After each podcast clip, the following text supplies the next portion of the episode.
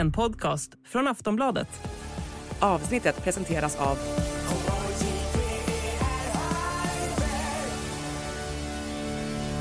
Stödlinjen.se, åldersgräns 18 år.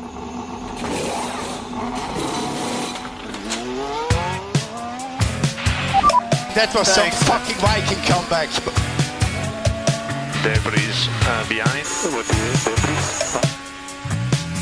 There's something strange with the engine. And it's a new pattern for that. What the, what the? Yeah, what is this tractor? What is this tractor on track? Suck my balls, man. Get my gloves and steering wheel. Steering wheel. Gloves and steering wheel here. Hallå och välkomna till Plattan i mattan avsnitt nummer 67 efter Kanadas regniga GP och helg i ett Sverige där det inte har regnat på ett bra tag men nu i inspelande stund i Stockholm öser regnet verkligen brutalt ner.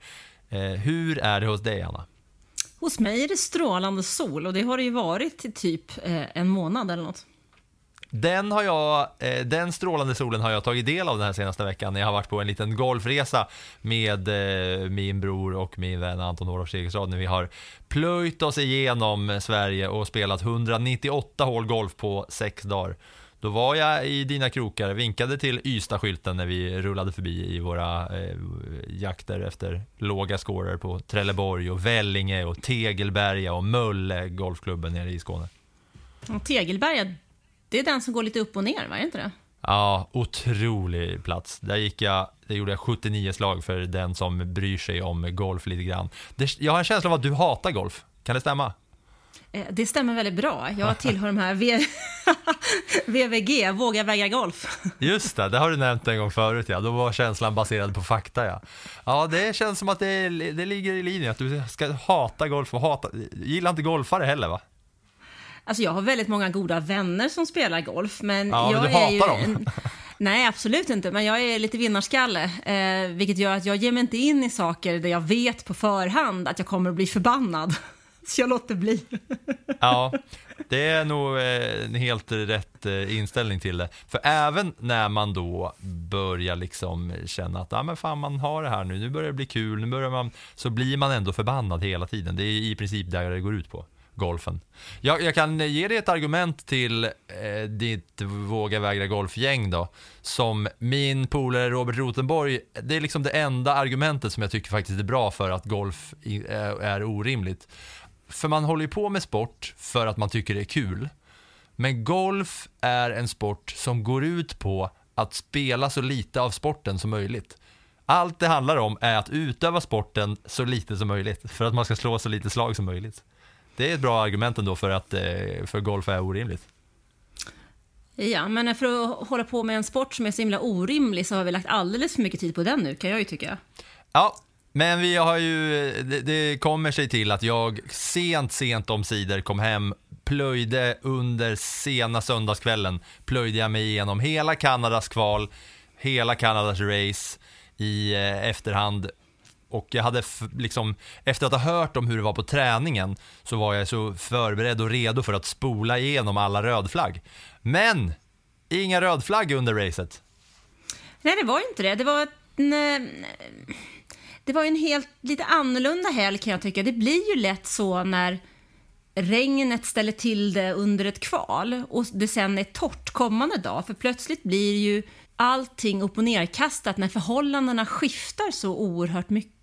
Ja, och det var ju lite det som man kunde känna, eller som jag kände redan under det här ösregnet. Eller det regnet som kom under kvalet och tilltog allt mer. Att man insåg någonstans där när jag satt och lajvade det här kvalet att ja, det kommer ju inte spela så stor roll hur det här slutar. För det handlar bara om att sätta rätt varv vid rätt tidpunkt och ha planerat allting rätt med lite hjälp av vädergudarna. Men allting kommer att kastas om igen. För det ska vara torrt under racet. Mm. Vilket gör att de här träningarna faktiskt är så himla spännande. Men eh, innan vi ska bara göra en genomgång av helgen och sen dyka in på alla snackpunkter. Så de här träningarna var ju lite speciella. För det första för att det liksom rå megaregnade och sen det här oklara kring vad som hände i första träningen när de inte hade någon eh, ordentlig ordning på kamerorna som kunde mata domarna med bilder, typ. Så de fick Ja, där- avbryta alltihopa. Ja, där var det ju lite lätt rörigt kan man ju säga. Men någonstans kände jag ändå att ja, men låt dem fixa till det här nu då så tar vi det i efterhand. Mm. Eh, något frustrerad blev man väl dock. De ännu mer än jag, tänker jag. Ja, det kan man väl tänka sig. Men det handlade mycket om regn fram tills att eh, racet skulle köras på söndag, när det var torrt. Men jag har förberett en liten helggenomgång här som jag kan eh, dra för dig och för alla som lyssnar. En genomgång av hela helgen, så att säga. Är du redo? Bienvenue au Canada et le circuit Gilles Villeneuve. Tu verras la pluie tout le week-end. Ja, för så var det. Regn alltså. Regn, regn, regn, regn, regn. På träningen så var det regnet som föll som hände utöver något slags kameraproblem som gjorde att träning 1 i princip försvann. Sen regnade det lite mer och när det var dags för kval, ja, då bidrog faktiskt regnet till att kvalet blev spännande och roligt. Blöt bana, oklar väderleksrapport, ena stunden torrt, andra stunden regnhot, slicks eller inters, chansa eller safea. Många små roliga gamblingbeslut som gjorde det här kvalet till ett av de roligare år som slutade med att Hulken Hulkenberg kvalade in på P2 bakom Max Verstappen. Trodde vi ja. För sen så var det ett bestraffningsmayhem där bland annat eh, Hulken blev nedpetad till P5 och det här tror jag att du Anna vill prata mer om, om de här bestraffningarna alltså. Men det tar vi sen. Men efter regn kommer solsken, uppstiger solen, spolar regnet bort. Eller är det spolar spindeln bort kanske? Till slut fick vi i alla fall ett torrt race där vi fick se Max Verstappen några sekunder i starten och några sekunder i slutet på kamerabilderna. För mer än så får man inte se av 2023 års redan klara världsmästare. Hehe. Men där bakom så var det lite action ändå. Kamp mellan Alonso och Hamilton, Albon och Norris, Bottas och Stroll och längst bak Magnusen och Nyck. George Russell han smällde in i väggen och orsakade röd flagg, men tog sig tillbaka till depån för egen maskin och kom ut igen, körde upp sig i fältet, men fick till slut bryta ändå. Under den här säkerhetsbilen gjorde jag mig redo för att hånskratta åt Ferrari, som väl var det enda teamet som stannade kvar ute på mediumdäck. Men för första gången på många, många, många race så tog faktiskt Ferrari ett rätt strategiskt beslut som körde upp bilarna i fältet. Otroligt. Helgens än en gång besvikelse måste tillfalla Sergio Perez som varken lyckades ta sig till Q3 i kvalet eller in på en topp 5-placering i racet. Och nu börjar man väl ändå fundera på om den där styrningen snart belongs to Daniel Ricciardo eller någon annan. Helgens kung var Alex Albon som körde hem 6 poäng efter en magisk enstoppare och långstint på hårda däck. Honom pratar vi mer om snart, men vi ska väl börja i kvalet och alla bestraffningar ändå. Men det tycker jag att vi ska göra, för jag satt faktiskt och blev lite förbannad under det här kvalet. För att någonstans är det ju så här att, att när det kommer en bestraffning så vill man ju veta vilken bestraffning det får eller vilka konsekvenser det får när vi fortfarande kör. För sen när det hela tiden då dyker upp att nej men tar vi efteråt, tar vi efteråt, tar vi efteråt. Ja men i det här fallet då så har vi till exempel en Pierre Gasly som blir påverkad av Carlos Sainz vilket gör att Gasly inte går vidare. Men Sainz han kan köra på och sen i slutet åker han tillbaks då ett antal placeringar. Men för Gasly som har blivit stoppad av någon som har klantat sig så hjälper ju inte det. Och det här känner jag lite grann att vi har haft nu vid ett par tillfällen i år. Vi har till och med haft så att det har stått förare på prispallen som sen har blivit av med eh, platsen och sen fått tillbaka den igen. Och nu har vi samma historia i kvalet. Jag skulle ju önska att domarna jobbar betydligt snabbare under kvalet som pågår. Ja, men låt den här pausen då bli lite kvickare eller ta lite längre tid mellan de olika kvalsegmenten så att vi som tittar blir tagna på allvar. För just nu känns det som att ja, men vi stänger av tvn, skriver färdigt våra texter, vi går och snackar med våra kompisar. Ja, men så här var det. Vi har en diskussion kring vad som har hänt och vi är alla nöjda och glada. Och sen, flera timmar senare, så nej, nej men det, skits, det där sket sig. Vi gör något annat istället. Och jag gillar inte Ja. det. Nej, det var, nej, det gör nog... Jag vet inte om det är någon som gör det. Kan det finnas någon som gillar att bestraffningarna kommer så här sent? Det kan inte- kanske? Det, ja, fast de, så Ja, kan de, fik- så ja, kan de inte något hålla sätt- på. Nej men alltså på något sätt, nej men vi fikar, tar lugnt, vi ska lyssna på alla. Men ärligt talat, i vilken sport lyssnar man på alla innan man tar, en, tar ett beslut. I fotboll, ja men antingen då har du max en VAR liksom. Handboll, jag tittade på en del på del på Champions League i handboll här i helgen. Det var flera otroligt tveksamma domslut, men domarna tittar på var sen kommer ett beslut. Men där var det ändå så att man kan sitta och diskutera, men gjorde domarna rätt eller fel? Nej, men de har tagit ett beslut. Då är det så. Inte 17 frågar de, hallå, var du innanför linjen eller? Det ser ut som att du hoppade lite eh, eh, utanför, men du fick en snyting samtidigt. Hmm, ja, hur upplevde du det som försvarare? Alltså, kom igen.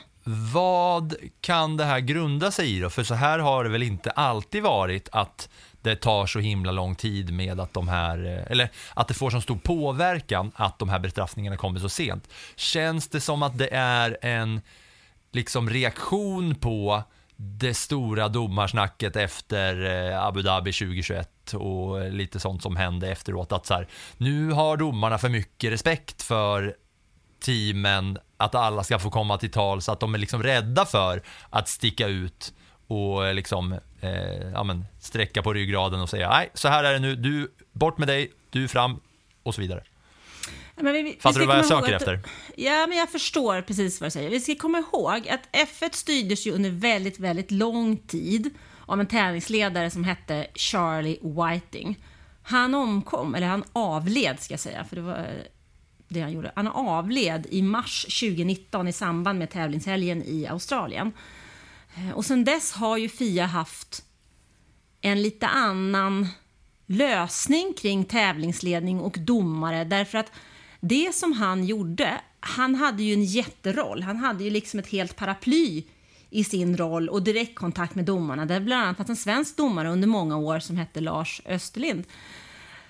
Men efter Charlie Whiting så finns det, det finns egentligen som ett litet tomrum skulle jag vilja säga. Man har inte lyckats fylla det med, de, med en person med den respekten som vad han hade och den, det sättet som han ledde hela det här arbetet. För han gjorde ett fantastiskt jobb. Och på något sätt är det som att man söker efter att hitta någonting men man hittar det inte riktigt och istället så blir det en massa tveksamheter. Alltså, eh, Michael Masi där i, i Abu Dhabi var ju också en tveksamhet. Jag tycker inte att man har hittat riktigt rätt egentligen efter det heller. För att det känns som att det är för mycket pladder. Ta ett beslut och våga stå för det istället. Ja, det håller jag verkligen med om. Och framförallt nu när det känns som att det händer gång på gång med att just de här besluten om bestraffningar och nedflyttningar i, i fältet kommer efteråt. Och det är inte bara kval man snackar om, utan det är ju även i racen att det ska ta så himla, himla, himla lång tid. Och precis som du säger, just det här med, eh, med Gasly och Sainz, att många gånger så, så be, man belönas ju inte, men den som då får köra vidare det gynnar ju extremt mycket den som, den som får fortsätta, eh, Science i det här fältet. Gasly var ju minst sagt eh, besviken efteråt när han eh, gjorde intervju. Ska vi lyssna på vad han sa? I tror think any words can uh, express the the disappointment and the frustration right now because it's uh, you know you you put so much work into for practice, building a weekend, extracting everything um, out of the quality. We did everything right. That lap was was good enough for top six. Even if I lose a couple of tenths with a bit of traffic, would have been good for top ten. And uh, and just yeah, Carlos did the worst possible, the worst job possible, uh, just staying completely in the racing line, and for me that's completely unacceptable and unfair. So doesn't matter now. This was obviously impeding, but second it was extremely dangerous because if I smash him at 300, he put himself in danger and also myself, and um, yeah, it's just what it is, just uh, completely unfair. Ruined my entire day. Tomorrow we're gonna start in P17, um, so obviously impacting also my my race. So uh, you know, obviously there should be something. At the end of the day, it's not gonna give us back what we should have had today, and uh, this is what I care the most. So yeah, just uh, completely gutted. Ja, Gasly var ju vansinnig över det där, kommer i 300, jag vet inte hur snabbt de kör där på den eh, sträckan i den här situationen vi snackar om, men det är i alla fall 310 plus i alla fall, där Sainz står helt parkerad i princip och det kan ju smälla något djävulusiskt alltså, om man, eh, om man, om man kör in där. Ja, alltså det är bedrövligt det sättet som Carlos Sainz hanterar situationen på tycker jag personligen. För att det grejen är att han gör det ju inte en gång. Nej, gör exakt, det ju- han gör det gång på gång på gång där. Det han gör det ett par gånger under den här, på, på det här stället. Ja, men han gör det flera gånger. Och varför plockar man då inte, sätter man inte ner foten redan från början och talar om att det här är inte okej? Ja, och han, eh, han själv var ju så här, han bara, ja, efteråt, alltså sa han också, han bara, ja, det, alla vi impidade där, det är ju, man väljer att liksom bestraffa vissa, och- eller man väljer att investigata vissa och andra struntar man i. Så kändes det ju inte, det kändes som att han var ju klar och tydlig bov i det här eh, sammanhanget flera gånger. Ja, nej, men jag, jag, jag vidhåller nog det jag säger förut, det, det jag sa förut, att jag tycker att man måste bli mycket tydligare från domarna med vad det är för regler som gäller och vad som inte gäller, liksom, så att vi vet. Både, både gentemot förarna, gentemot teamen och gentemot alla de miljontals människor som tittar. För att Ja. blir de tydligare så tvingas ju förarna också acceptera den linje som är. Och då måste Men, vi- ä, men, men även eh, så här, de, jag, jag känner inte att de, det måste bli tydligare exakt vad som gäller. Jag tycker det, det viktigaste är att de blir bara, de har mer pondus i sina beslut. Att man inte liksom tjafsar om det. För kollar man på typ fotboll där inte en människa förstår handsregeln, men den ändå, besluten tas ändå direkt. Och det blir, antingen så blir det straff eller så blir det inte straff och det är lite oklart. Men besluten tas ändå. Man pausar inte spelet i 25 minuter och liksom sitter ner och tar ett litet möte och pratar och fikar och diskuterar vem som, vem som borde eh, få vilken bestraffning. Utan, ja, är det så att eh, Sainz har tvärnitat på fel ställe, pang, bestraffa honom, vi tar ett snabbt beslut på, liksom, det tar någon minut liksom. Sen delar man ut det och sen är det så, inget tjafs, bort! Bort Ja, men lite så. Och det, det är lite det jag menar med tydlighet också. Att han gör det en gång, stopp, färdigt, du gör inte det här igen. För du har redan fått din bestraffning. Din tid, din, din tid har strukits, eller dina två bästa tider har strukit, strukits, Mm. whatsoever. Att det finns en tydlig konsekvens i det här istället för att man väntar, vilket gör att du kan ju faktiskt dra fördel av att du, du är en fara för någon annan på banan och det tycker jag är fel. Det var ju flera stycken som eh, fick bestraffningar eh, där i Montreal. Det var Sainz, det var Stroll och det var Tsunoda och sen så åkte ju Hulken på eh, något där också. Och det Ja, det, ju blir ju, då... fe- det blir ju jättefel. Det blir ju superfel. Här står han och liksom intervjuas efteråt. Jag, visst, jag är ganska liten i det här sammanhanget. Jag hinner ändå lägga ut en text och göra klart och klockan är ganska sent i vår del av Europa, vilket gör att det inte bara Aftonbladet det handlar om, utan det handlar om en ganska många olika eh, tidningar och så vidare och det gäller de som sänder och så vidare. Hela vägen blir det ju snett i informationen för att det ska ta så lång tid för att de kom på att han körde för fort under röd flagg. Det måste de ju ha kunnat se tidigare. I annat fall, Ja. gör en liten längre paus då mellan de olika segmenten så man i alla fall får ett besked. Efter Q1, innan Q2. Efter Q2, innan Q3. 100% att det är exakt så det ska gå till. Och det var ju då, man blev, jag blev lite blåst på konfekten, jag då som kollade både kvalet och racet under söndagen. När jag då, när det inte går en dag mellan att jag ser kvalet och får reda på att eh, Hulken ska, ska starta P2. Utan så fort kvar Q3 är klart så eh, är jag ju glad och lite så här, ja fan vad kul med Hulken på P2. Sen så tar det ju då 25 sekunder innan jag har startat, eh, startat racet och bara Hulken på P5. Det var en jäkla besvikelse över att få se den grejen. Mer i Ja, kvalet man, då. Eh, ja, ja, det, man tar ju bort lite av själva, själva grejen med kvalet också. För att då känns det som att då spelar det ju ingen roll. Det som har hänt Nej. på banan är inte det som är det viktiga, utan det är det som händer i domarrummet efteråt. Och så tycker jag faktiskt inte det ska vara.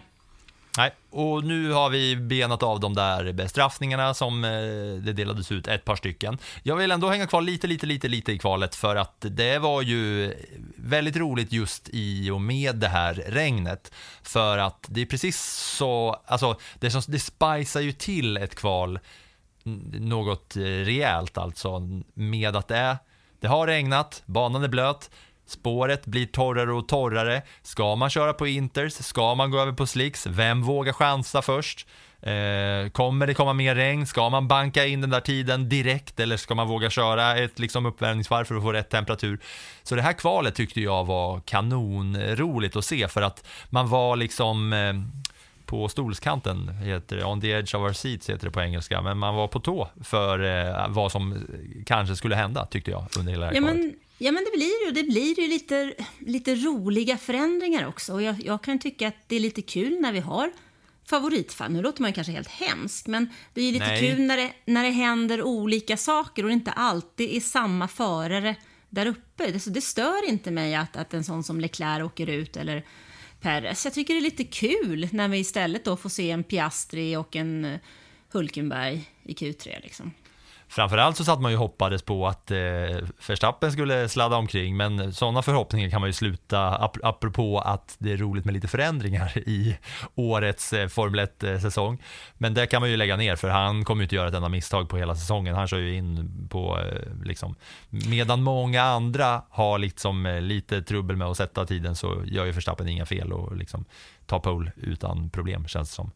Samtidigt som Hulken då kör näst snabbast och det var flera. Alex Albon i Q2 var ju otrolig när han också vågade satsa på att gå på softs först av alla och visade vägen där. Liksom. Det är lite sådana grejer som, som gör att det är så himla roligt för att då skulle det kunna vara så att Albon alla kör på, på Inters, Albon vågar chansa, Albon och Williams vågar chansa, smäller in eh, på soft. Det skulle ju kunna spöregna sekunden efter att han har gjort det varvet så att ingen annan har möjlighet att göra det. Det tycker jag är skitkul. Mm, jag håller med. Det är inte ofta jag håller med dig, men idag gör jag det. Ja, men det, jag, tror, jag, jag, tror att, jag tror att du håller med mig oftare. Eh, du håller med mig ganska ofta. Det gör du. Det tycker du? Ja, det gör du. Du håller, ofta, du håller med oftare än vad du tror. Vill du säga något om Perez eller vill du snacka skit om Perez eh, när vi pratar om racet? För han gjorde ju inget bra kval heller. Nej, jag tror att det är pressen som börjar ta på den mannen alltså. Det här, det är jobbigt att ligga in till en förare som aldrig gör misstag och du själv känner att du måste leverera hela tiden för annars har du ingen chans i sammandraget och det kommer ju sluta med att han inte har någon chans i sammandraget för att han eh, helt enkelt inte har huvudet till att ha det. Låt Perez bli övergången från kval till race då, för att i kvalet så tar han sig inte vidare till Q3. Och det är inte första helgen som det här sker. Det har nu hänt ett par veckor i rad, eller ett par eh, racehelger i rad, att han har haft det tufft samtidigt som Verstappen i samma material och Red Bull-bil och samma racinghandskar och racingdräkt och sponsrade skor och alla precis samma material är så överlägsen. Alltså det som, det som jag känner lite när jag ser, man, man ser här hur Peres lider av den här mentala kampen mot Verstappen. Det får mig ändå få en liten ökad respekt för Nico Rosberg. För fatta hur han mådde efter att Lewis Hamilton hade tagit titeln 2015 och då vinner ändå Rosberg de sista loppen det året. Så börjar han med att vinna också Rosberg i början av 2016. Alltså den bedriften som han gör det året när han inte bara utmanar Hamilton utan han också ser till att han gör allt han ska och kan. Då ser vi till och med att han går ner i vikt, han plockar bort eh, liksom milligram på sina veckor för att han ska eh, få den rätta vikten i bilen och han plockar bort vikt på sina lårmuskler och slutar att cykla och lyckas till slut ta en eh, pole position är det väl före Hamilton med minsta möjliga marginal i Japan. Så han lyckas till slut säkra den där eh, segern. Och vad, vilken enorm kraft det kostade honom så han sen lägger av. Och nu har vi liksom Peres i ett liknande läge här i förhållande till eh, Verstappen och han bara, som det ser ut just nu i alla fall, fullständigt faller igenom. Mm. Och det gör han efter Monaco, för att innan så hade han ju kvalat bra. Kvalat in tvåa i Bahrain, etta Saudiarabien, inte alls i Australien, trea Azerbajdzjan, eh, etta Miami och sen då sist i Monaco, 11 i Spanien och 12 nu i Kanada. Han går inte ens till Q3 varken i Spanien eller Kanada här. Och det kan man ju tänka sig, ja visst ett dåligt kval. Men sen så kör han inte särskilt bra i racet i den där bilen som ska vara så oändligt snabb och väl eh, liksom lätt att kontrollera och ha bra eh, däck degradation och så vidare. För han tar sig inte längre upp en till en sjätteplats med båda Ferrari-bilarna eh, framför. Och Men- eh, kollar man på sekunderna nu så här så är det ju så att han är 30 sekunder bakom Sainz på femma, men han gick ju faktiskt in på sista varvet för att eh, sätta fastest lap, vilket han gjorde också. Eh, så stirrar man sig blind på sekunderna så är man ju lite snett på det, men han, var, han hotade aldrig riktigt högre upp än så här. Nej, det gjorde han inte, men där kanske det är ett av de problemen som faktiskt Red Bull hade i Kanada. Alltså vi ser ju, när vi tittar på det här loppet så tycker vi, oh, det var jämnt. Men jag skulle vilja säga att det faktiskt var någon form av illusion ändå, för det är väl i typ bara fyra kurvor på den här banan egentligen. Och Red Bulls båda bilar hade problem med de hårda däcken. De fick inte in dem i rätt däckstemperatur. Och det hade Perez och det problemen hade han under inledningen av loppet. Och de problemen hade även Verstappen. Och när han körde de hårda däcken så gnällde han gång på gång på gång på gång över att han inte hade något eh, bra grepp. Så det var de hårda däcken som såg till att det här loppet blev jämnare i täten än vad vi hade räknat med. Och det var också de hårda däcken som, och den strategin att starta på de hårda däcken som fullständigt dödade Sergio Perez chanser. Ja, vi har ju varit inne på Red Bulls segermarginaler flera gånger den här säsongen, att det har varit sådana enorma tidsskillnader ner till tvåan. Men den här gången så var det första gången den här säsongen så var det liksom, eller ja, nu har jag inte siffrorna framför mig, men det var bara då en seger med eh, 9,5 sekund eh, Verstappen mot Alonso som kom, kom in där bakom. Mm, men återigen alltså, Perez så himla mycket sämre än Verstappen. Och nu, eh, ja, jag, jag lyfter fingret här för Perez. Jag har, jag har någon slags känsla av att han inte kommer sitta i den här bilen när säsongen är slut. Särskilt inte om det fortsätter så här. Och det känns som att det, det är något lurt på gång där. Håller du med mig eller? Jag vet inte riktigt. Vi, ja, men vi lite ser ju sugen inte... på att hålla med ändå. Ah, nej, men jag sitter och funderar hur jag ska ta ett lagom politiskt svar här. För Det behöver vi du inte. Vet, vi vet ju inte vad som händer i simulatorn. Vi vet att Daniel Ricciardo, när han kom till Red Bull, så låg han långt efter eh, de två eh, förarna, Verstappen och Perez. Det har eh, Christian Horner erkänt. Så att vi vet inte riktigt hur det ser ut nu mellan dem i de tiderna. Och vi vet inte heller vad Daniel Ricciardo som har haft ett par riktigt tuffa år efter det att han lämnade Red Bull, vad han har förlorat och tappat i Racecraft. Det vet vi inte heller. Vi vet, någonstans så känns ju den att man signar honom känns lite grann som att man ville ha någon som är himla stor i USA. Det är mycket race i USA. Man vill ha någon som kan köra lite demo-runs på olika ställen. Man vill ha en, en kul kille. Han kommenterar F1 på lite roligt sätt i USA, de racen som är där och så vidare. Så att ibland så undrar jag om inte den signeringen kanske var någonting annat än att med en målsättning att ha honom i bilen, för det är ett bra namn på, på en intressant marknad. Men sen är ju frågan, Perez har ju kontrakt även över nästa år. Han har det till 2024 också. Men vad händer om man plockar ut Perez och stoppar in Ricciardo och han inte lyckas? Det är ju också en himla gambling. Som läget är i år så behöver de i stort sett bara en förare för Verstappen är så överlägsen. Till 2024 tror jag inte att det kommer att se ut så för att om man tittar på de här teamen som kommer bakom så kommer de kommer trots allt lite närmare för varje vecka. Det är inte jättesteg, men de är inte längre så långt bort som de var under inledningen av säsongen. Och nu närmar vi oss snart en sommar. Vi kommer att bli en ny, nytt beslut kring vem som ligger var, hur mycket tid man får ha i vindtunnel och så vidare, för det gör man under två, två gånger om året. Och då är det ju så att Red Bull lev, leder, vilket gör att de får ju mindre tid i vindtunneln och till annan aerodynamiktestning. Så att där gäller det för Red Bulls del också att vara lite smart. Mm. Man tänker också på eh, att det här att de sitter i samma bil och så funderar man på, är det så att Verstappen är bättre än bilen eller är bilen så bra så, eller liksom, men samtidigt så det är ju det här handen i handsken att bilen passar Verstappen, Verstappen passar bilen och de passar så varandra så Den himla är- bra som gör att han är överlägsen medan Perez kämpar där bakom kanske.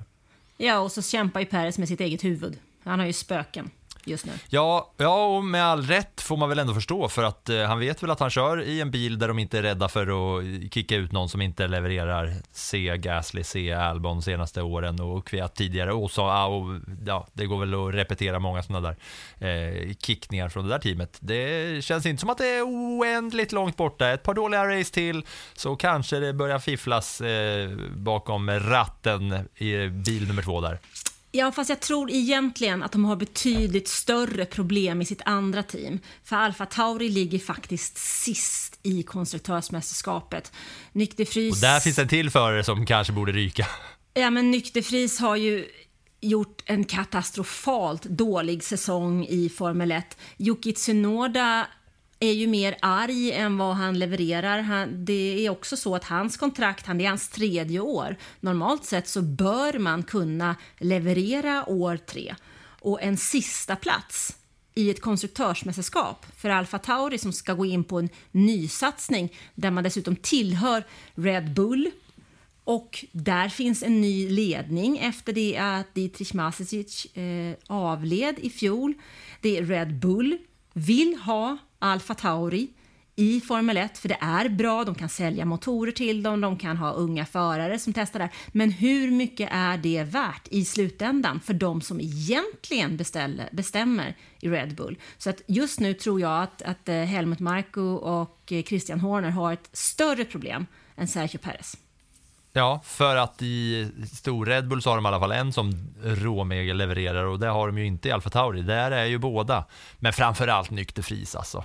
Det, det vi ser han, när han försöker kämpa mot Magnusen där i, längst ner i botten av, fält, botten av fältet. När de, eh, ja, när han gör en dum omkörning. Broms, eller ja, när de kampas, han bromsar på sig vilket gör att Magnusen inte kan svänga om, båda kör ut i avåkningszonen. Och Magnusen ställer sig på sniskan så att inte eh, De Vries ska kunna backa ut där. Visserligen lite snyggt, men sen att det tar då, vet du vilken situation jag pratar om va? När de liksom tar en kvart på sig för, för att lägga i backen. Mm. Innan båda ja, men... börjar backa ut där. Ja. Det alltså var ju Alfa... bara klantigt av, av De Vries att de hamnade där båda två. Ja, och Alfa Tauri har tagit två poäng. Två poäng än så länge. Och när Williams då med Alex Albon kör in sex på ett bräde så kan det bli riktigt, riktigt tungt. Alltså. Och det där måste, det där måste Red Bull lösa. Ja, hur mycket tror du att Red Bull måste lösa det mer än att Alfa Tauri måste lösa det, så att säga? Ja, men det är ju en kombination. Alfa Tauri tillhör ju Red Bull. Alltså, det ja. är ju så. Alfa Tauris F1-team är ju ett juniorteam till Red Bull Racing. Och du har ett, ett, ett Eh, företag som äger båda två. Och då är det frågan hur mycket pengar det företaget kan gå i förlust med på ett team. Eftersom det handlar så, handlar ju om prispengar för Alfa Tauri. Och en plats runt plats sju, som Alfa Romeo ligger på nu, det är ju liksom miljoner i, till skillnad från att vara sist i konstruktörsmästerskapet. Redan i fjol var det en diskussion om teamet skulle säljas eller inte och hur man ska hantera det, om man ska byta namn på det för att man ska få en bättre eh, marknadsföring kring det och så vidare. Och det där är en diskussion som, som Red Bull internt måste ha, men de måste ta den och den är, som jag ser det, mer akut än Sergio Perez. För just nu så klarar sig Perez på att eh, Verstappen gör ett bra jobb. Och även eh, om eh, Även om de säljer lite Alfa Tauri-kläder så är det inte riktigt så att Alfa Tauri Fashion får eh, det där företaget att gå runt, eller hur? Nej, inte riktigt. Och framförallt så kan man inte, alltså i ett företagsklimat så kan ju inte heller Red Bull ha ett Formel 1-stall som bara går med förlust. Även om det är så att huvudteamet då kan sälja motorer till dem så krävs det ju betydligt mer och där är väl det stora problemet just nu.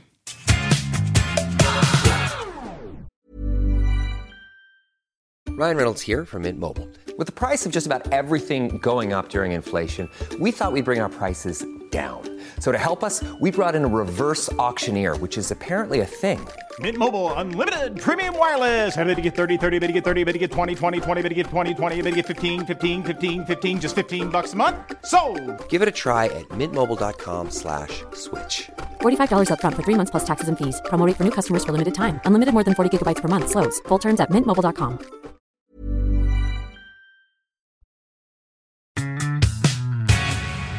Och Ferrari då, Anna, för första gången sedan urminnes tider så kommer ett strategiskt beslut från Ferrari som faktiskt gynnar teamet och gör att båda bilarna kör till sig bättre placeringar. Vilken chock va? Det är när eh, Russell orsakar röd flagg så går alla bilar in i depå och så ser man då, när alla kommer ut sen, så ser man hela fältet i, i grafiken eh, runt de där varven. Så ser man alla i fältet har hårda däck, alla, i princip alla har gått in. Bara, bara hårda däck, sen är det två bilar som har mediumdäck och det är Ferrari. Och då är man ju så redo på att, jaha, nu har Ferrari gjort det igen. Men de Men- hade inte gjort det igen. Nej, de hade ju inte det. Ehm, I efterhand så säger ju Charles Leclerc att han hade en kommunikation med teamet, de var på väg in. Men han tyckte att däcken kändes så pass bra så att de bestämde sig för att ta- stanna ute. Men det som jag tycker var framförallt positivt för Ferrari, de ligger kvar på sina mediumdäck till varv 26 och 27 när de byter till hårda, och vilket gör att de säkrar plats 4 och 5 då, när de har startat från plats 10 och 11. Men det är ju att de under den här tiden så talar de om för Sainz väldigt, väldigt tydligt att du får inte attackera Leclerc. Det gör de vid två tillfällen. Ja, säger de klart till och honom. tydligt i tv-produktionen. Ja, och det gör de vid två tillfällen. Och det gör de ju för att de vet ju att om de börjar fightas, för Sainz var jäkligt het på det, han ville ju som vanligt inte in, i depå när han skulle i depå, så hade de ju slitit ännu mera däck. Utan nu tog de ju verkligen ett teamstrategiskt beslut här och styrde sina förare som också höll sig till det. Även om nu Sainz efteråt eh, påtalade att han minsann hade kunnat eh, fightas med Alonso och inte alls vill bli upp, uppehållen på det där sättet. Men sett till teamets prestation så får ju faktiskt Sainz eh, eh, också inordna sig i en, det röda teamet här. Så gjorde de ju det absolut bästa av situationen. De maxade sin dag och eh, Fred Vassör pratar ju om att nu ser de ljuset i tunneln och uppdateringarna fungerar. Så mm, det kanske blir något ändå, så småningom.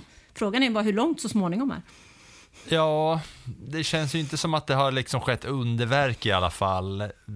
Visst, det här strategiska beslutet, det var ju det, var ju det som gjorde att de kunde sluta på plats fyra och fem mm, egentligen, mer än att den där bilen har blivit så himla mycket bättre, eller va? Nej, fast jag gick in flera Ja, men så, så är det ju. Men det jag gillar är ju att det faktiskt kom ett beslut från teamet som var tydligt och som man fick föraren att hålla sig efter. För det har jag ju saknat de senaste åren, att man har liksom haft koll på sina röda killar. Ja, men vad fasen, har inte vi varit inne på det här flera gånger att så här, teamet säger något, Sainz och Leclerc bara nej, nej, nej, vi borde göra så här istället och de bara nej, gör som vi säger nu och så blir det fel. Men den här gången så tyckte jag att radiotrafiken var, de sa till Sainz, nej men nu ska vi byta och då säger Sainz, nej men vi stannar ute, de bara Ah, Okej, okay, du får stanna ute. Och att det var lite samma med Leclerc. Jag tyckte att det skilde sig för första gången på länge, att de faktiskt lyssnade på förarna, vilket de inte brukar göra.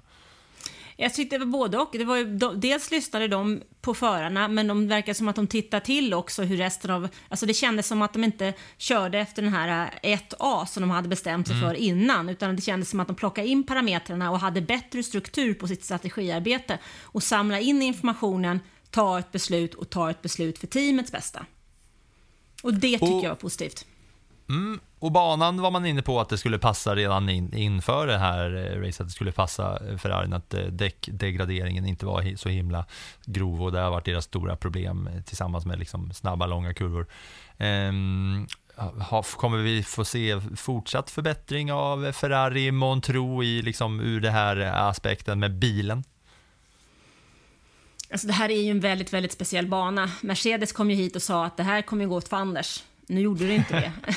men, men eh, så att vi, vi får ju se lite grann. Alltså det handlar ju också om en ten, tendens över hur det kommer se ut i de kommande racen. Vi kommer ju aldrig kunna ta ett beslut att efter ett race, jo, tjoho, så här var det. Utan man måste ju alltid titta på lite grann. Hur ser det ut två, tre race? Mm. George Russell och Mercedes då, då. Russell som var den som orsakade röd flagg när han körde in i väggen. På Gilles Villeneuve-manér nästan, tog han sig ändå till, ja det här är alltså en liten blinkning till den som har lyssnat på förra veckans avsnitt som var eh, ett, ett special, om Jacques och Gilles Villeneuve. När då eh, han kör på tre hjul tillbaks hela vägen i depå, inte i samma fart som Gilles Villeneuve gjorde det där racet som vi pratade om förra veckan, eh, när han eh, gasade i liksom- liksom full fart tillbaks till depån. Russell kör långsamt tillbaka, men han klarar sig hela vägen till depån. Och de får ordning på den där bilen och kommer ut efter rödflagget med en bil som faktiskt funkar han kör upp sig i fältet.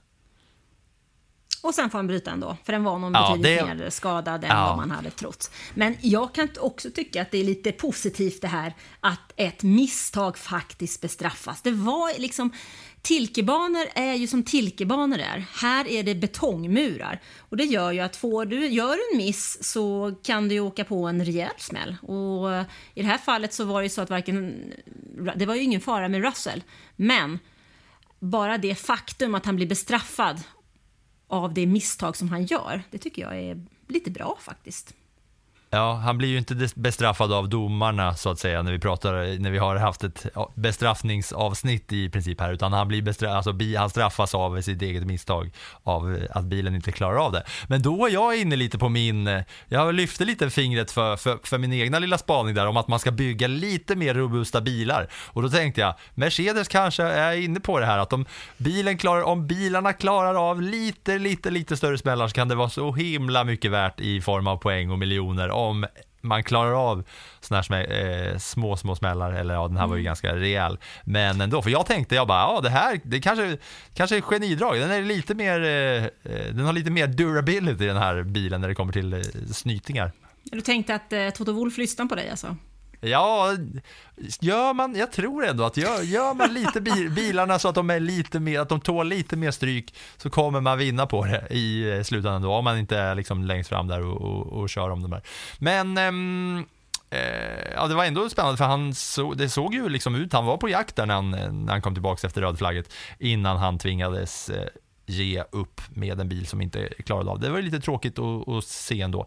Men eh, om man hänger kvar i Mercedes så var det ju kamp mellan Hamilton och Alonso och framförallt då eh, var det ju starten som eh, var spännande när det blev kamp mellan de båda och sen så var det ju eh, i depån när båda gick in då och det var tight som nacken om vem som kom ut först där när båda gick in i depån och Hamilton sladdar ut före Alonso och det nästan smäller.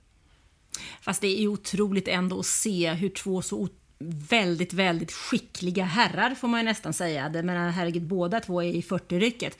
Hur de kör bil på det sättet med den respekten som de faktiskt kör med. Jag tyckte det var härligt att se. Kul att se. Mm. Det, som, det som hände i depån där var ju att båda gick in samtidigt och sen är det lite långsammare depåstopp av eh, Mercedes som gör att det blir snortajt när Hamilton sladdar ut och då var det roliga tv-bilder på efteråt för att eh, ja, Aston Martin och Alonso blev ju såklart liksom klagade på eh, unsafe release där. Så ser man bilder på hur, hur Toto Wolf bara så här driver, med, driver med Alonso, ska, ska liksom nicka lite med huvudet och vrider på ratten.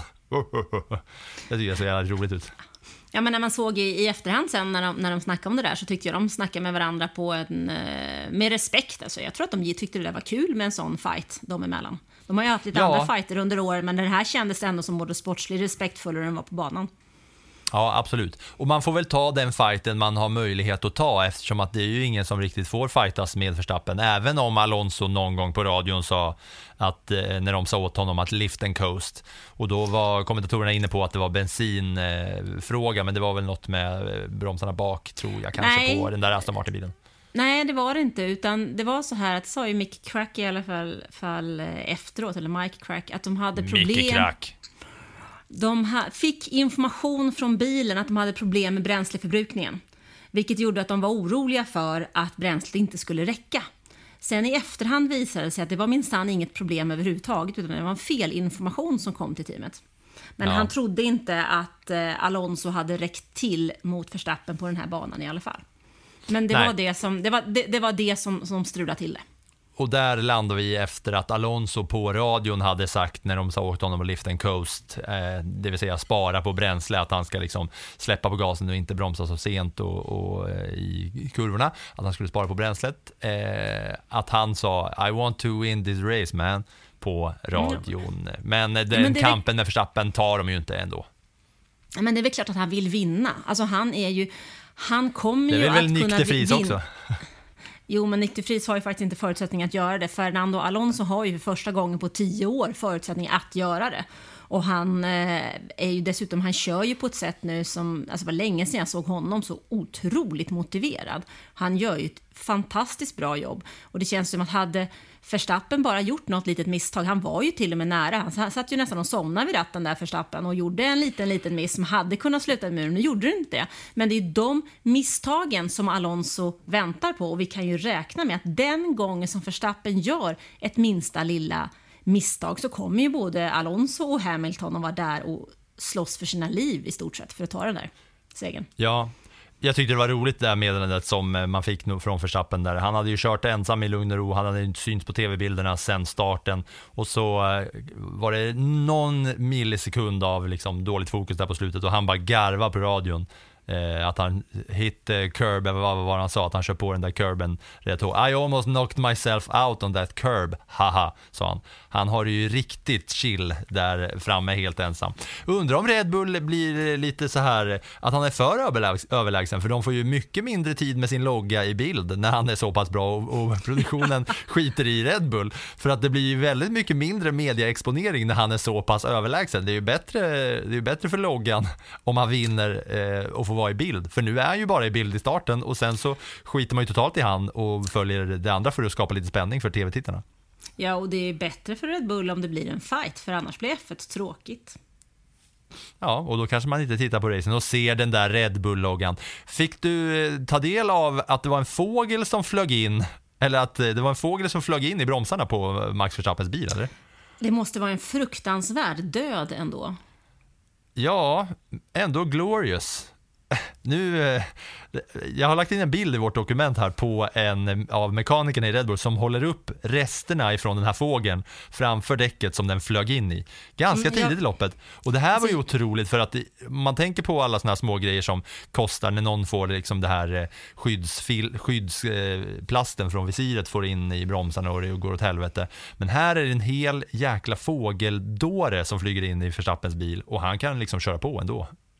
Ja, det var väl kanske tur för honom att den fastnade på det sättet som den gjorde. Jag vet inte, men det är ju nästan så att jag blundar när jag ser den där fågeln, för det är ju en fruktansvärd död. Den är stendöd den där fågeln och den har åkt med i typ 60 varv eller 70 varv kanske. Men det var ju också en liksom detalj som, som är så här att allt verkligen funkar för Verstappen. För att den där fågeln skulle lika gärna kunna hamna på ett ställe, känd, gissar jag på, utan att veta hur det rent tekniskt funkar när en fågel flyger in i framdäcket. Det skulle lika gärna kunna gå åt helvete känns det som. Men det, Men det gör det inte, den landar ju perfekt. Ja, men det vet man ju också när, när eh, flygplan har ju fått nödlanda eftersom eh, när det var flugit in fåglar i motorerna. Så det är väl klart att det kan ställa till det. Han hade väl tur, för Stappen. Mer otur för fågeln. Ja, det känns som att hade den där fågeln flugit in i vilken annan bil som helst så hade det eh, förstört bilen och, och tvingat fram en DNF. Men på just Verstappen så landar den på den millimeter där det gör att den kan, liksom, där Red Bull-bilen kan flyga fram medan fågeln inte flaxar något mer va? Du, eh, sen, var det ju, eh, sen var det ju apropå fåglar och vingar. Det var en bakvinge, bakvinge på, eh, på Esteban Ocons eh, alpinbil där som såg ut att lossna i vilken sekund som helst där. I det som faktiskt var det mest spännande under det här racet tycker jag, slutkampen mellan de där fyra bilarna mot slutet där det då handlade om Ocon, Albon och eh, Norris eh, och en till, va? vem var det? Det var Albon, Ocon, Stroll eh, och Bottas var det där. Ehm, Norris jagade Ocon precis bakom samtidigt som man såg då kameran bakom alpinbilen när de filmar bakom och man bara såg den där vingen se ut som att den sitter liksom med en pytteliten skruv från Ikea typ och kunde lossna yes. när som helst. Absolut, det, det, såg inte bra ut och med tanke på hur, de, hur snabba domarna har varit att flagga av och flagga in eh, med teknisk flagg andra förare under året så, så var jag lite förvånad. Men och där passar sidan... det att ta snabba beslut av domarna för övrigt. Ja, men, men inte den här gången, här beslutar de att låta han köra.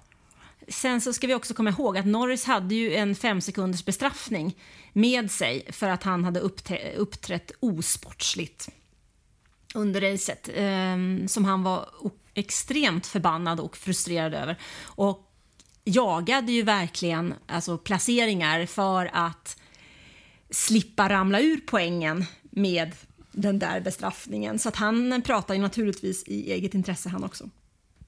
Ja, jag tyckte båda, eh, båda de körde rätt bra. Eh, och Ocon eh, in på en åttonde plats och eh, där Norris då som låg, eh, gick i mål där precis bakom i en kamp till slutet. Men visst, den där eh, eh sekunder, fem sekunders bestraffningen flyttade ner honom till trettonde. Men precis framför Ocon, så jag tycker ändå man ska applådera Ocon där för att han körde i mål med den där lösa, han körde ju knappt med en bakvinge, det skulle ju, det var ju, eh, ja, det skulle kunna smält rejält där. Men framför honom, Alex Albon, kungen av Kanada, driver of the day, långstinten, super eh, Q2-kvalet och eh, vilken körning av eh, thai va?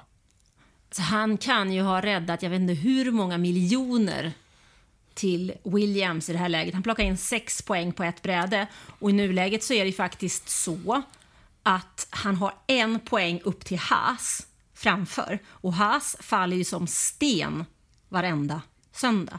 Och där framför finns sen då Alfa Romeo två poäng framför där Bottas fightas och fightas och fightas och hade tur att det blev en bestraffning på Norris för annars hade han inte fått någon poäng med sig den här gången heller.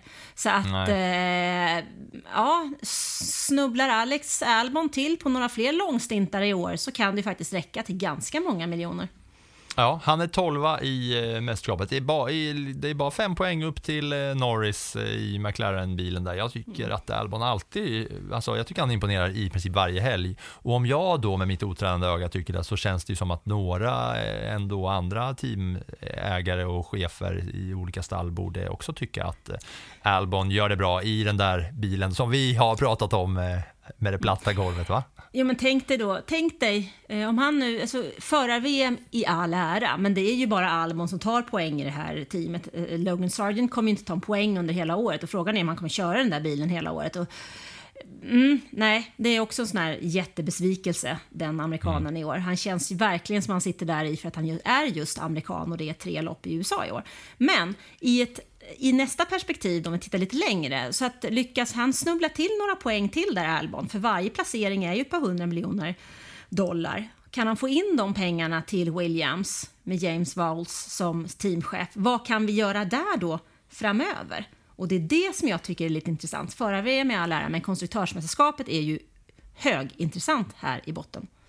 Ja, nej, jag, återigen alltså, Alex Albon, eh, han får mina sympatier vecka efter vecka ändå. Han tycker, jag tycker han gör det bra gång på gång på gång och eh, känns rent allmänt som en sympatisk, god person, va? Den gode thaibriten. Han ska det bli kul att eh, följa lite vidare och se. Men det är ju han tar ju liksom schyssta beslut här. Han, han, är, han vågar ju han vågar ju gambla och eh, i, under den här helgen så, så faller det ju rätt ut va? Mm. Eh, ja, du var inne på Haas också, att de kvalar bra och eh, alltid går i mål eh, sämst. Det, det är så sjukt med Haas, för att alltså 70 varv, man vet att Hulken startade framme, eh, han kvalar in på P2 och får starta P5.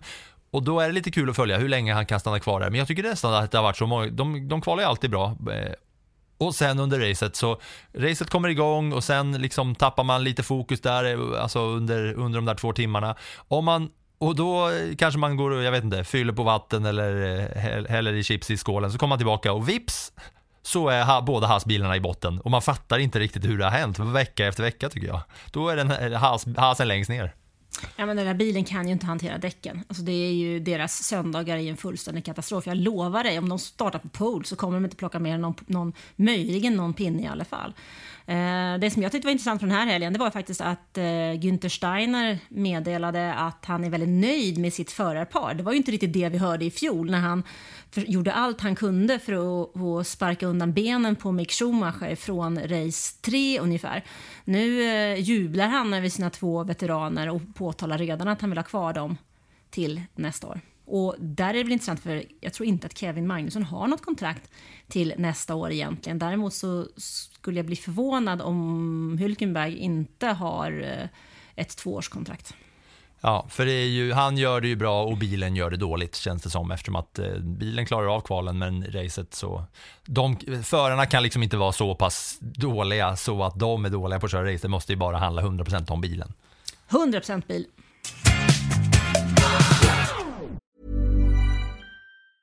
Hey, I'm Ryan Reynolds. Recently, I asked Mint Mobile's legal team if big wireless companies are allowed to raise prices due to inflation. They said yes. And then when I asked if raising prices technically violates those onerous two year contracts, they said, What the f are you talking about, you insane Hollywood ass? F- So to recap, we're cutting the price of Mint Unlimited from $30 a month to just $15 a month. Give it a try at mintmobile.com slash switch. $45 upfront for three months plus taxes and fees. Promo rate for new customers for limited time. Unlimited more than 40 gigabytes per month. Slows. Full terms at mintmobile.com.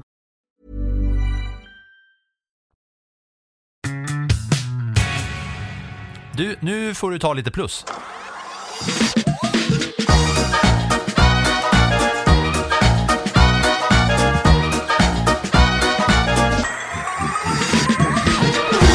Anna sätter plus på Kanadas GP. Vi börjar med ett plus. Alfa Tauri, sist i VM. Sist, sist, sist. Hur länge kommer eh, Helmut Marko ha tålamod med en nykter fris? Jag tror att det är på väg att rinna ut. Han har redan fått en varning. Två plus går ju till Valtteri Bottas. Visst så blev han omkörd av eh, Lance Stroll i slutet där, men han tog sin första poäng efter Bahrain. Och eh, det gör att Alfa Romeo nu gick om Haas i eh, konstruktörsmästerskapet. Visst, en pinne, men viktiga poäng där i slutet.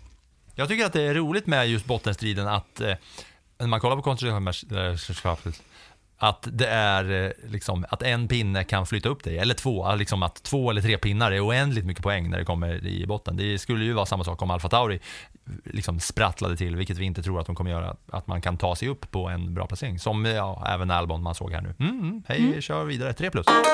Ferrari. De hängde kvar länge på medium. De kontrollerade sina förare, tog plats 4 och 5. Det var en maxhelg av Ferrari. Det är inte ofta man säger en maxhelg av Ferrari efter plats 4 och 5. Jag tycker faktiskt att det var bra gjort. Och det var till och med så, eh, hörde jag Helmut Marko där, han sa att eh, hade Ferrari startat högre upp så hade de kunnat vara ett eh, problem för Max Verstappen för att de hade ett sånt bra tire management den här helgen. Fyra poäng då, ja men de, eller fyra plus såklart, de går ju naturligtvis till Alexander Albon. Alltså det här påstoppet på varv 12 i samband med Russells krasch och den långstinten som han gör sen, den ger honom ju sex poäng och det kan ju vara otroligt viktiga miljoner, precis som jag sa innan, i kampen om konstruktörsmästerskapet. Är, han heter Alexander, det har jag aldrig tänkt. Jag har aldrig tänkt Alexander Albon. Nu när du skriver det sådär, så är det klart han, heter, han heter ju inte Alex Albon, det heter man ju inte, han heter ju Alexander. Alexander, titta på honom och tänk Alexander, det känns inte rätt. Så kan det vara. Du, eh, fem plus då.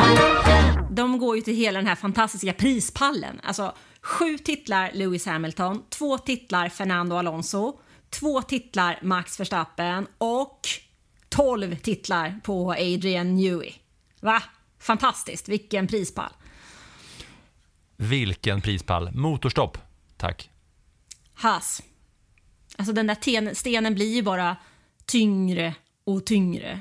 Alltså kvalar man in på första startled, visst en liten bestraffning, men som pang, plats 15.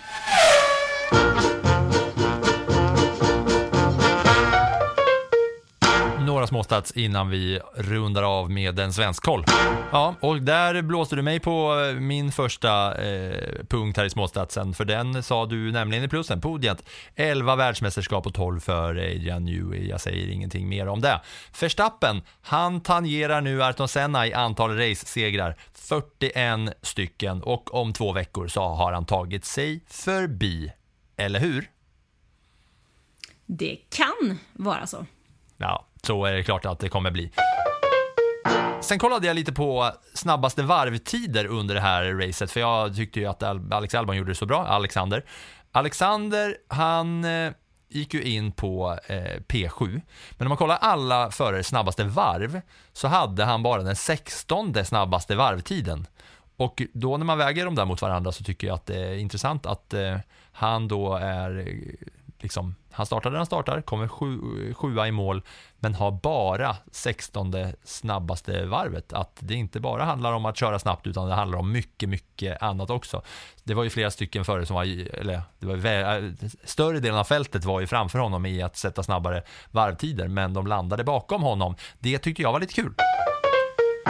Sen när Hulken kvalade in på P2 och fick starta som P5 så kollade jag in hans kval. Jag vill bara dra eh, kvalen här för att vi är ju inne på hur, de, hur förarna liksom kvalar mot varandra, hur det är inbördes i mellanteamen. Men just Hulkens kval är lite intressanta i den där hasbilen som, som du är inne på inte kör bra i race alls. Hulken kvalar alltså 10, 11, 10, 17, riktigt dåligt kvalar, 12, 18 och sen 8 och 2 medan Magnusen då i jämförelse 17, 13, 14, 18, 4, 17, 17, 14. Det tyckte jag var lite intressant. Nu vill vi höra hur det har gått för svenskarna i racingvärlden.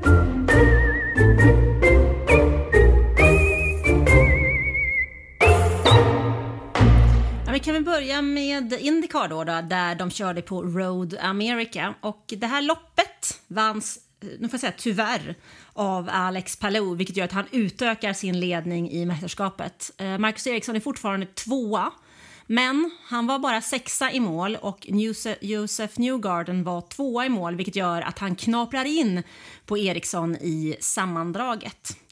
Felix Rosenqvist han hade problem med eh, bränsle och bränsletillförsel. De fick lite fel information från sin, en bränsleindikator så han tvingades slå av på farten och haltade i mål på 20 plats.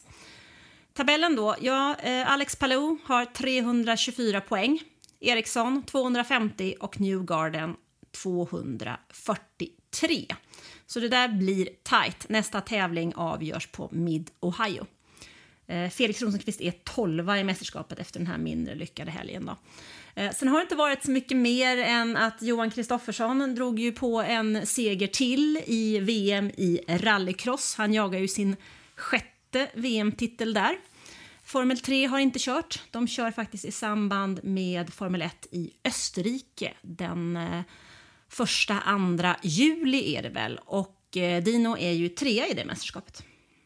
Det är så himla spännande för han är alltså som du säger, han är trea i sin första säsong i den här eh, organis eller i, i F3 i det här eh, ja, i den här bilen, va? vilket är extremt jäkla imponerande måste man väl ändå säga. Eh, de kommer köra nästa gång. De har, det, är liksom, det är en så eh, kort kalender får man väl säga ändå. Eh, F3. De kör ju framförallt eh, i samband med eh, Formel 1-tävlingarna i Europa och det blir ju då mm. nästa helg när vi kommer till Österrike.